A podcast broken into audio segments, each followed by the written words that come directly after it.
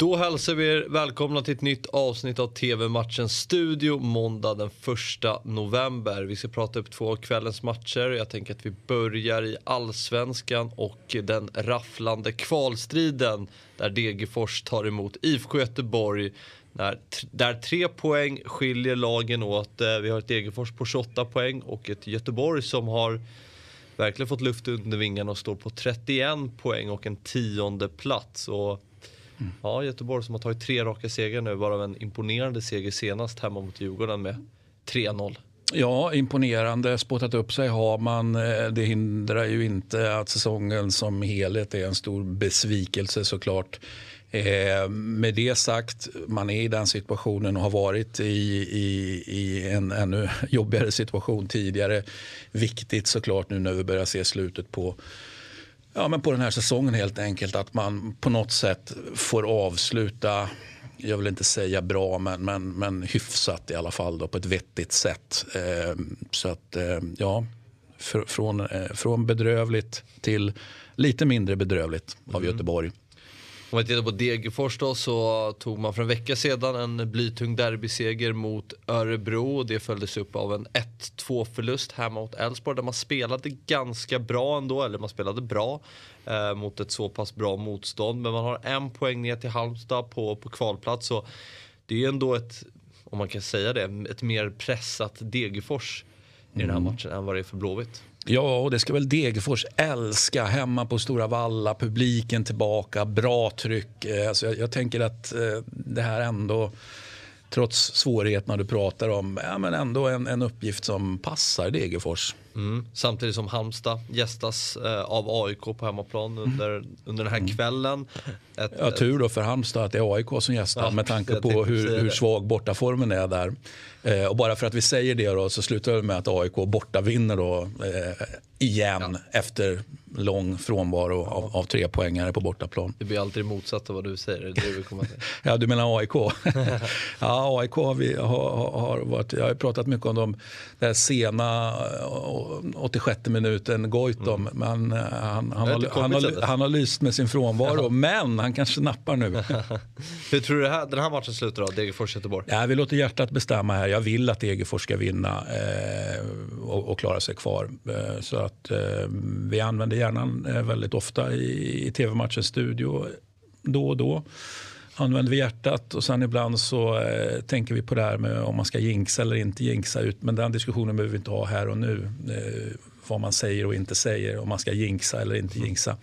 Eh, vi konstaterar att hjärtat eh, vill då att, att Stora Valla får se en hemmaseger ikväll. 19.00 matchen ser ni på Discovery+. Nu till Serie A och mötet mellan Bologna och Cagliari. Det är ju ett eh, bortalag som kommer med en risk, riktigt taskig säsongsinledning. Man ligger på jumboplats. Eh, bytt tränare under säsongen. Nu är det Walter Massari som mm. bossar över laget. Eh, har han fått någon tränareffekt eh, under de inledande matcherna som han har varit? Marginell skulle jag vilja säga. Om, om den finns så är den marginell. Eh, det har, eh, alltså det, jag är ju en anhängare av tränarbyte så tillvida att jag tror att om inte tränarbytet är uppenbart dåligt genomfört eller liksom tränaren är dåligt vald. Eh, ja, men om, om det inte är så, då får du alltid åtminstone, åtminstone en kortvarig effekt. Eh, du kan självklart få en långvarig effekt också. Eller, en, eller medium, lång, mellanlång här. Men här har vi inte riktigt... Eh, vi har inte sett det. Det här ser inte bra ut för Cagliari. Så är det bara. Mm. Och, men det är just det här man byter tränare så pass tidigt under säsongen. Det gick väl bara tre mm. omgångar innan mm. Leonardo Semplici fick, eh, fick lämna sin eh, post som tränare. Och... Ja, men taskigt skött liksom. Han borde såklart inte, enligt mig borde han inte fått eh, fortsatt förtroende Nej, det det. Då, efter att han eh, ja, klev på då i, i, i våras. Men eh, nu valde man så och så får man justera eller väljer att justera så snabbt som efter tre omgångar. Det är, det är anmärkningsvärt. Mm. Två lag med mm, lite försvarsproblem. Båda lagen släppte in 22 mål efter 10 omgångar. Det är inte jättebra siffror. Nej, det kan man inte påstå. Nej, det, det, saknas ju vinnarskalle på, på båda ställena och det saknas väl kanske extremt mycket vinnarskalle kan jag personligen tycka. Man tänker att Sinisa Mihailovic då som är på tränarbänken i, i andra laget och i Bologna i hemmalaget Eh, man tänker sig att han ändå hade en jäkla vinnarskalle, var en riktigt tyken jäkel, liksom hård som fan.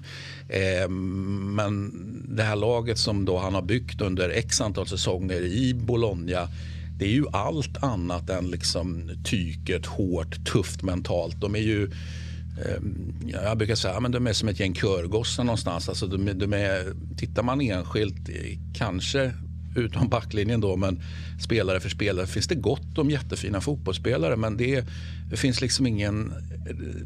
Det är dålig attityd skulle jag vilja säga på, på om vi ska generalisera.